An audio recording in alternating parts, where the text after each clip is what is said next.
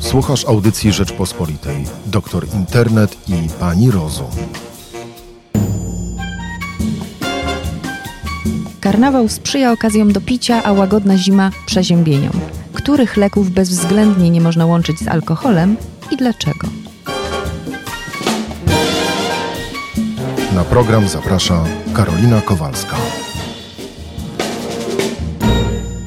Internecie można przeczytać, że najlepszym środkiem na kaca jest paracetamol, a łączenie leków z alkoholem właściwie nie jest takie szkodliwe. Czy to prawda? Pytamy farmaceutę magistra Jerzego Przystajko. Właściwie to jest zupełnie nieprawda. Łączenie leków z alkoholem może mieć e, bardzo opłakane skutki, szczególnie z paracetamolem, a tak zwany zestaw kacowy, e, czyli już w trakcie picia weź paracetamol i elektrolity, może się skończyć po prostu uszkodzeniem wątroby. Dlaczego? E, dlatego, że sam paracetamol może być toksyczny dla wątroby, a alkohol tą toksyczność wzmaga. E, niestety w Polsce mamy paracetamol dostępny właściwie wszędzie. Mamy go dostępnego w obrocie pozaaptecznym. E, mamy paracetamol w sklepach spożywczych, na stacjach benzynowych. I monopolowych. Kioskach. W sklepach monopolowych. Straszne. Przy Straszne. butelkach. Co jakby sugeruje, że to jest najlepszy właśnie lek na kaca. No, ja myślę, że y, z całym szacunkiem dla osób y, pracujących w sklepach spożywczych, że nie ostrzegają dość y, dobitnie przed łączeniem paracetamolu z alkoholem, a y, takie połączenie tego powinno się po prostu unikać. Zresztą mamy przykład we, mm, we Francji, gdzie po prostu ogólnie ściąga się paracetamol z części samoobsługowych E, przenosi się go do apteki, dlatego że w aptece pracuje wykwalifikowany personel, który może e, chociaż powiedzieć o tym, wyemitować tą informację do pacjenta, że paracetamol wiąże się z zagrożeniem dla zdrowia, że należy go stosować prawidłowo i nie łączyć z alkoholem. Skąd takie przekonanie, że ten paracetamol jest niegroźny? Czy y, kiedy go wprowadzano, nie było jeszcze badań świadczących o tym, że działa uszkadzająco na wątrobę? A to jest wręcz przeciwnie. Paracetamol dawniej był lekiem na receptę.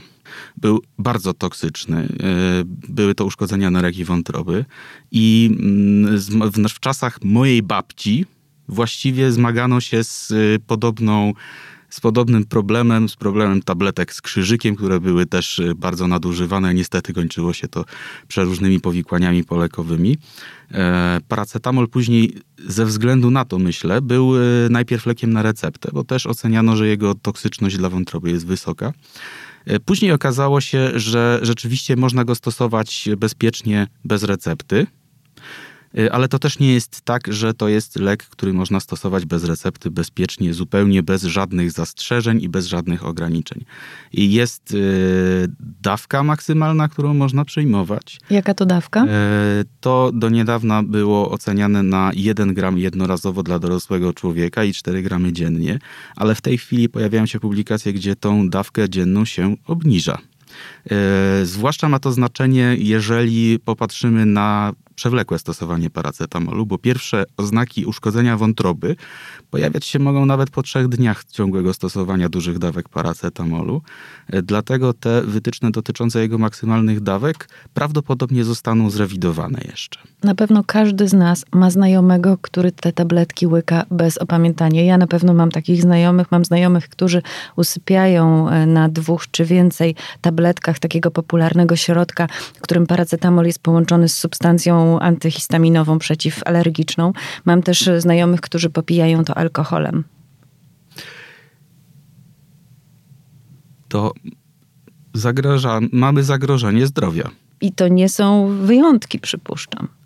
Paracetamol troszkę jest taki traktowane jak takie drażetki, które pomogą mm, w bólu albo będą temu bólowi zapobiegać. Ale są jeszcze inne szkodliwe, y, takie y, szkodliwe mity na temat tego, co można łączyć z alkoholem. I pojawiają się y, tutaj opinie, że właściwie przy braniu antybiotyku nie trzeba się wystrzegać picia alkoholu, że to jest tylko taka bajka dla pacjentów, żeby nie nadużywali w tym czasie. Właściwie jest w tym ziarno prawdy. To trochę, trochę zaskoczę. E, bardzo ciekawie mają to rozwiązane Brytyjczycy, gdzie e, Instytut Państwowy NICE po prostu przebadał, które z antybiotyków e, są w połączeniu z alkoholem groźniejsze, które są groźne mniej. To, co chciałbym powiedzieć z mocą, najlepiej w ogóle przy lekach nie pić alkoholu. Wtedy mamy stuprocentową pewność, że jedyne zagrożenie dla naszej wątroby, nerek, e, innych narządów pochodzi od leku i jest dobrze rozpoznane, bo w badaniach klinicznych nie badamy pacjentów najczęściej. E, nie mamy grupy e, popiłem antybiotyk piwem tylko mamy grupę, gdzie kontrolujemy wszystkie, wszystkie warunki badania, podajemy antybiotyk, podajemy być może placebo, podajemy może lek referencyjny, ale niestety w projektowaniu badań klinicznych nie uwzględniamy sytuacji popijania ich alkoholem, a już tym bardziej w większych ilościach. Czyli ten alkohol nie osłabia działania antybiotyku, tylko powoduje uszkodzenie znowu narządów wewnętrznych. Chodzi tutaj przede wszystkim o obciążenie wątroby, bo y, z alkoholem wątroba musi sobie poradzić. Y, alkohol może zmniejszać działanie leków, y, zwłaszcza u osób przewlekle go nadużywających lub używających jest to widoczne, bo wątroba przystosowuje się do alkoholu i po prostu przetwarza go u osób uzależnionych sprawniej.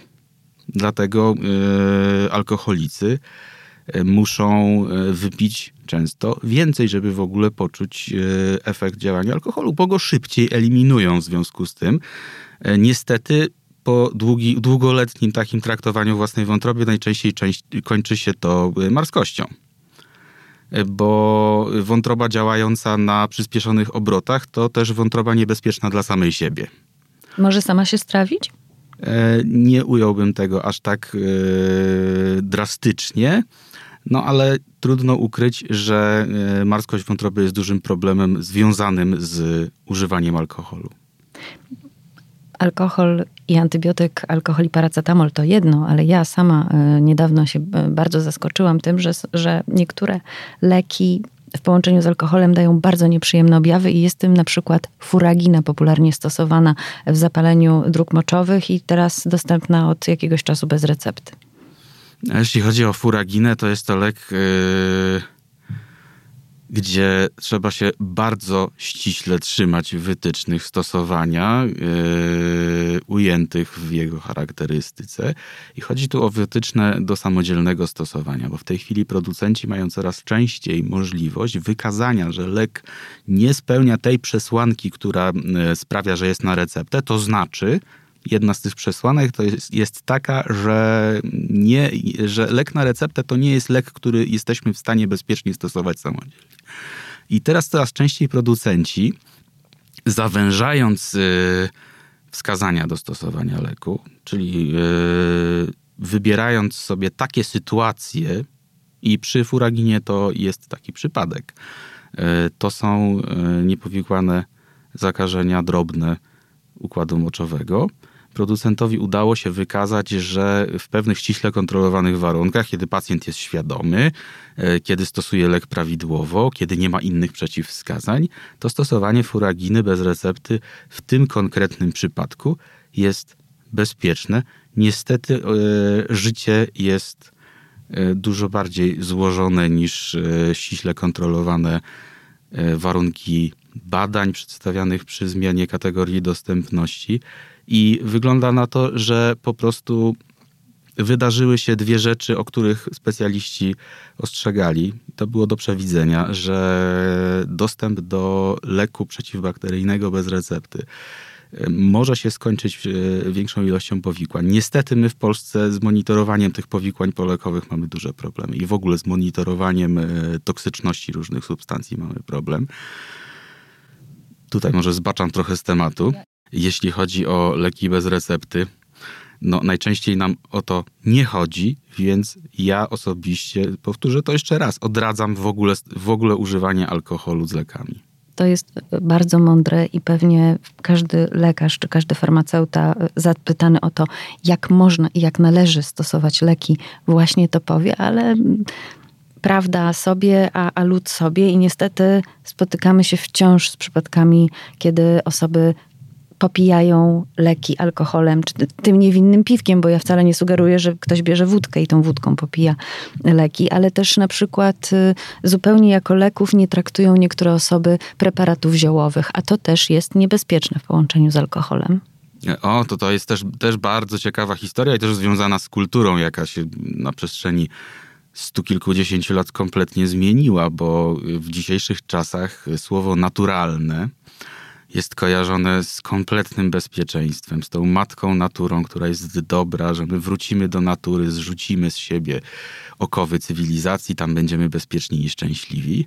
Niestety leki ziołowe się w to wrażenie bardzo często łapią i w praktyce aptecznej ja po prostu często staram się rozwiewać te wątpliwości, właściwie zmieniać to patrzenie na leki ziołowe, bo leki ziołowe w związku z tym, że zawierają to, co z nich przygotowujemy, to są najczęściej wyciągi wodne. One mają bardzo złożony skład. E, potrafią mieć bardzo dużo interakcji z innymi lekami. Tutaj zwłaszcza ziele dziurawca jest e, winowajcą może to prowadzić w takich, z takich bardzo niebezpiecznych interakcji, e, to przy lekach przeciwzakrzepowych mamy bardzo dużo zdarzeń. E, zresztą leki przeciwzakrzepowe same z siebie odpowiadają za bardzo dużo niepożądanych zdarzeń po lekach. E, zioła niestety się do tego przyczyniają, a łączenie jeszcze ziół z alkoholem, no to znowu wrócimy do tego pojedynczego narządu, który każdy ma jeden – Polecam, żeby szanować, później będzie służył dłużej. Można uszkodzić wątrobę. Jak często w praktyce farmaceuty spotykał się Pan z przypadkami e, ludzi, pacjentów, którzy przychodzili i przyznawali się do takiego niekontrolowanego stosowania leków ziołowych i łączenia ich, ich z różnymi substancjami? A to dosyć często. Tak, my jesteśmy, my jesteśmy konfrontowani e, właściwie w okienku aptecznym powinniśmy się w większości i myślę, że w większości zajmujemy się nie doradztwem farmaceutycznym, tylko odradztwem farmaceutycznym e, i zadawaniem niewygodnych pytań e, zmierzających do tego, że pacjentowi najczęściej nie jest potrzebne te kilka suplementów diety, które zamierza sobie zaaplikować może e, warto, żeby pomyślał nad tym, czy po prostu pełnowartościowe, dobre jedzenie, warzywa, e, właściwa dieta to nie jest to, co powinien zrobić ze swoim życiem, e, zamiast cedować swoje problemy na magiczną pigułkę z reklamy. Ale tak, te, te, sytuacje są częste. Więcej, częste są pytania o to, czy można pić alkohol po lekach. A więc jednak. Ale y, ja nie podchodzę do tego tak, y, że to jest, to jest źle, że te pytania padają, bo one powinny padać. To jest właściwy adres. Y, niestety mam złą wiadomość. Najczęściej, właściwie w 100% wypadków, odpowiadam na to pytanie, że nie. Że y, nawet jedno piwko E, to nie jest dobry pomysł po lekach. A czy ma pan takie poczucie, że w momencie, kiedy mówi nie, to ten pacjent właściwie mruga do pana jednym okiem i nie zamierza się do końca do tego stosować, czy raczej to są ludzie, którzy za zamierzają rzeczywiście nie popijać piwkiem leków? E, no, jesteśmy ludźmi dorosłymi. Jeżeli ktoś zadaje pytanie profesjonaliście, czy powinien popijać leki alkoholem, uzyskuje na niej odpowiedź odmowną, że nie może. I później się do tego nie stosuje. No niestety to już jest ten obszar, gdzie działa odpowiedzialność pacjenta za swoje własne zdrowie. Rozumiem. Dziękuję bardzo. Dziękuję. Doktor Internet i Pani Rozum. Czy inwestowanie w krew pępowinową to ratunek na wypadek śmiertelnej choroby, czy kupowanie marzeń? Kiedy komórki macierzyste leczą, a kiedy są nieprzydatne? Dzień dobry, panie profesorze. Dzień dobry, dzień dobry pani. Czy rzeczywiście komórki macierzyste są w stanie wyleczyć raka, autyzm, padaczkę?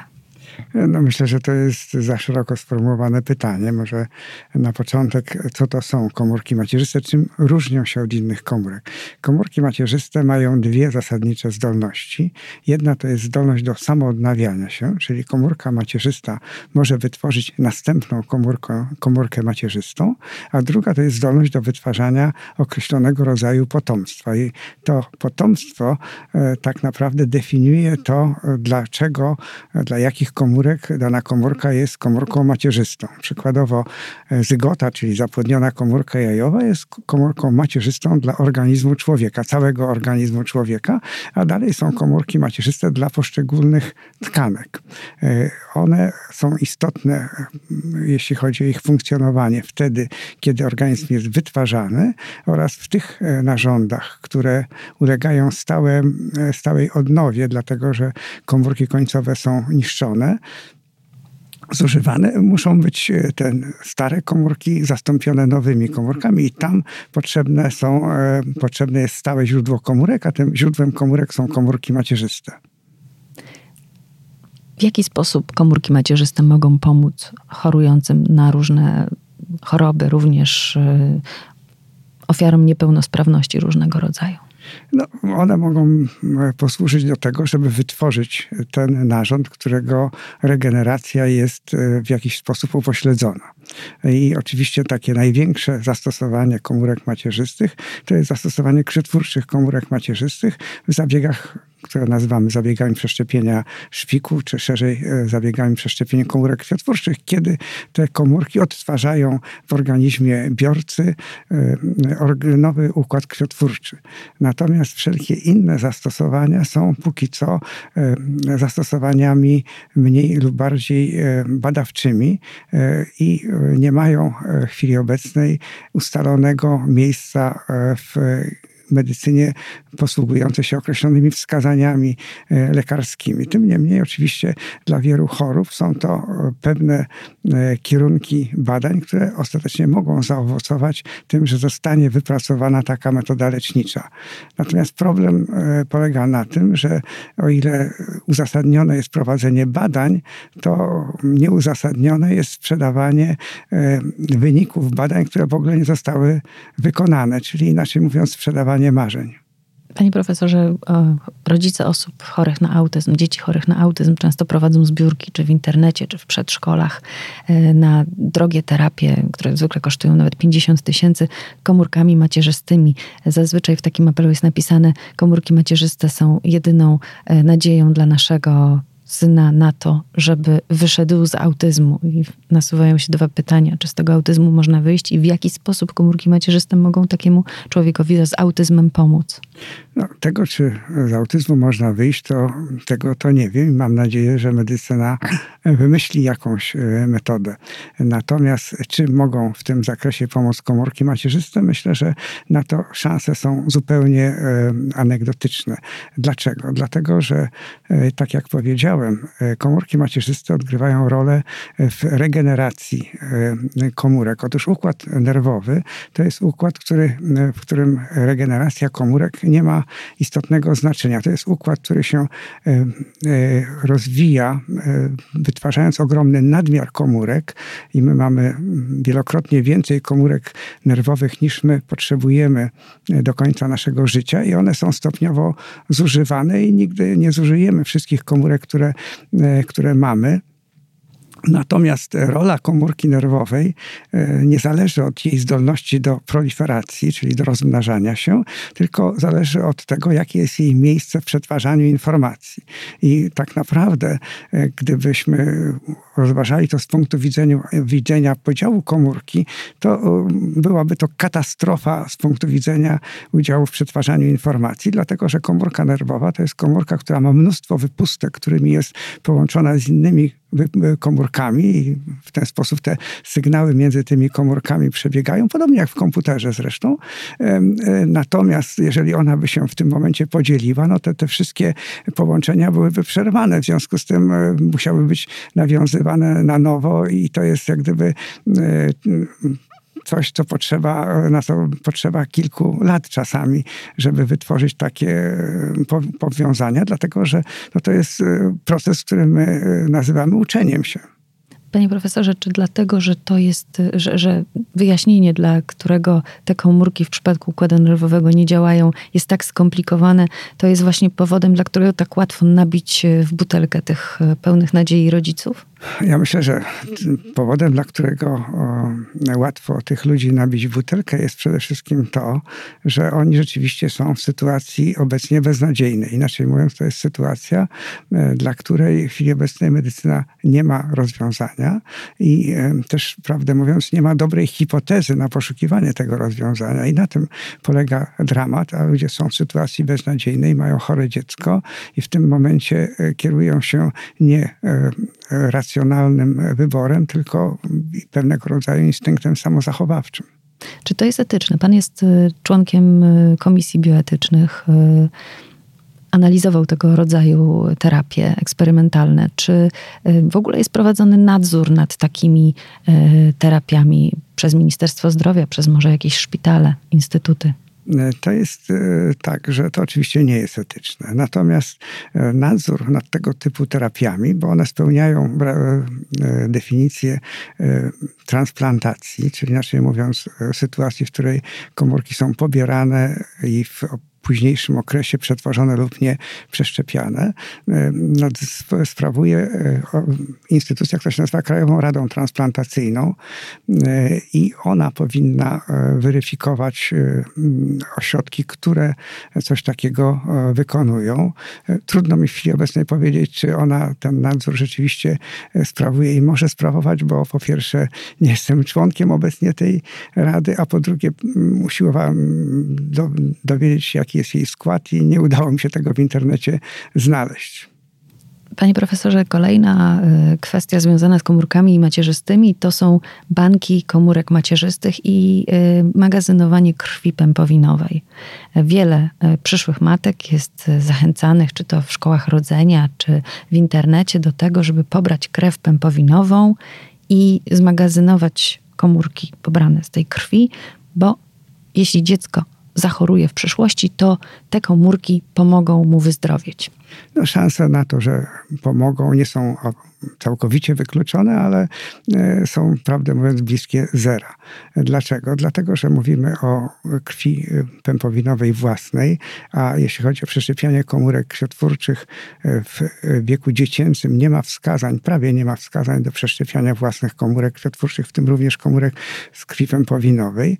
Wskazania do przeszczepiania własnych komórek krwiotwórczych są w wieku mocno zaawansowanym, na przykład głównie w takiej chorobie, która się nazywa szpiczak plazmocytowy, która średnia, e, który ma, średnią zachorowań około 70 roku życia. I wtedy oczywiście e, jest pytanie, czy e, materiał, który był wytworzony 70 lat temu, byśmy dzisiaj wykorzystali e, do tego, żeby podać komuś do żyły.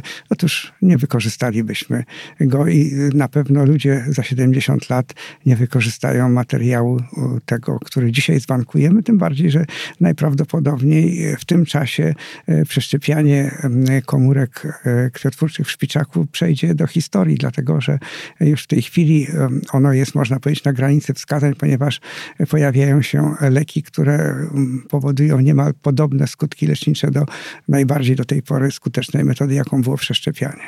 Panie profesorze, a czy tej, tych komórek jest wystarczająco dużo pobranych z krwi pępowinowej, żeby przeszczepić to wszystko zależy. zależy. Mniej więcej trzeba taką liczbę komórek, która znajduje się w 3 ml krwi. W związku z tym, jeżeli e, pobierzemy 30 ml krwi, to starczy dla osoby, która ma 10 kg. To jest mniej więcej e, dziecko trochę powyżej roku, więc, e, a potem już jest tych komórek za mało. Natomiast no, duża jednostka krwi pępowinowej to jest 100 ml, to starczy na około 30 kg, więc to po prostu staje się czymś, co jest e, w zasadzie w chwili obecnej e, mało przydatne. Też trzeba od razu powiedzieć, że e, to przeszczepianie krwi pępowinowej, w którego zresztą rozwoju ja sam uczestniczyłem, ono miało jako przeznaczenie wykorzystanie dla chorych, dla których nie można znaleźć dawcy szpiku.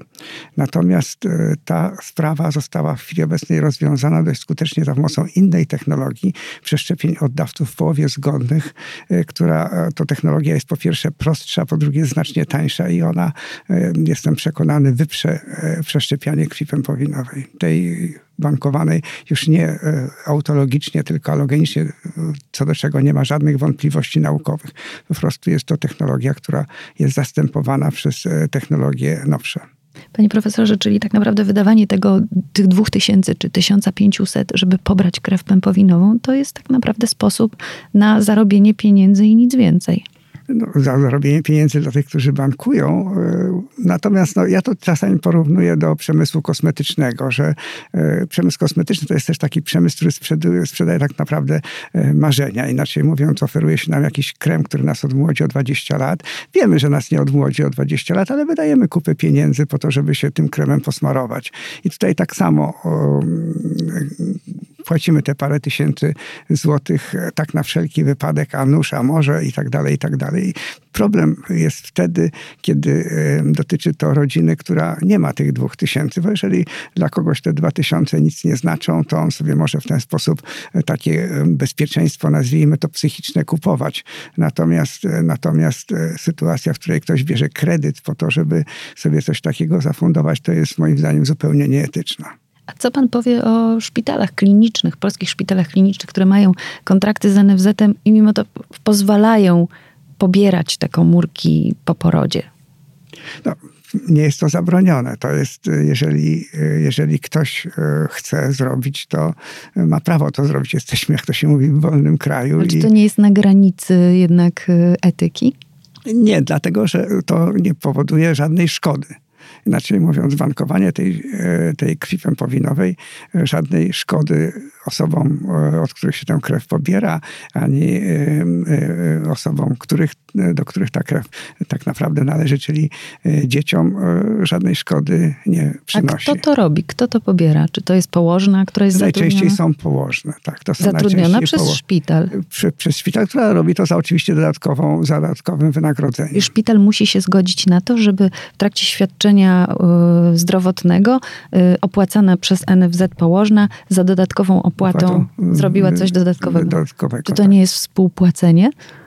No trudno mi powiedzieć, ja się nad tym nie zastanawiałem. No, w swoim czasie e, wdrażałem tę technologię, ale nie tyle w wykorzystaniu autologicznym, czyli do bankowania alogenicznego dla innych dzieci, niż e, to, które było dawcą krwi wępowinowej. I też nie za odpłatnością zapewne, panie profesorze. No, początkowo no, jakoś to, jeżeli to coś jest e, czynnością, która nie wchodzi w zakres obowiązków danej osoby, no to ona musi jakąś gratyfikację za to otrzymać prawda? Więc to e, tutaj wydaje się e, akurat coś, co nie jest e, powiedzmy sprzeczne z zasadami.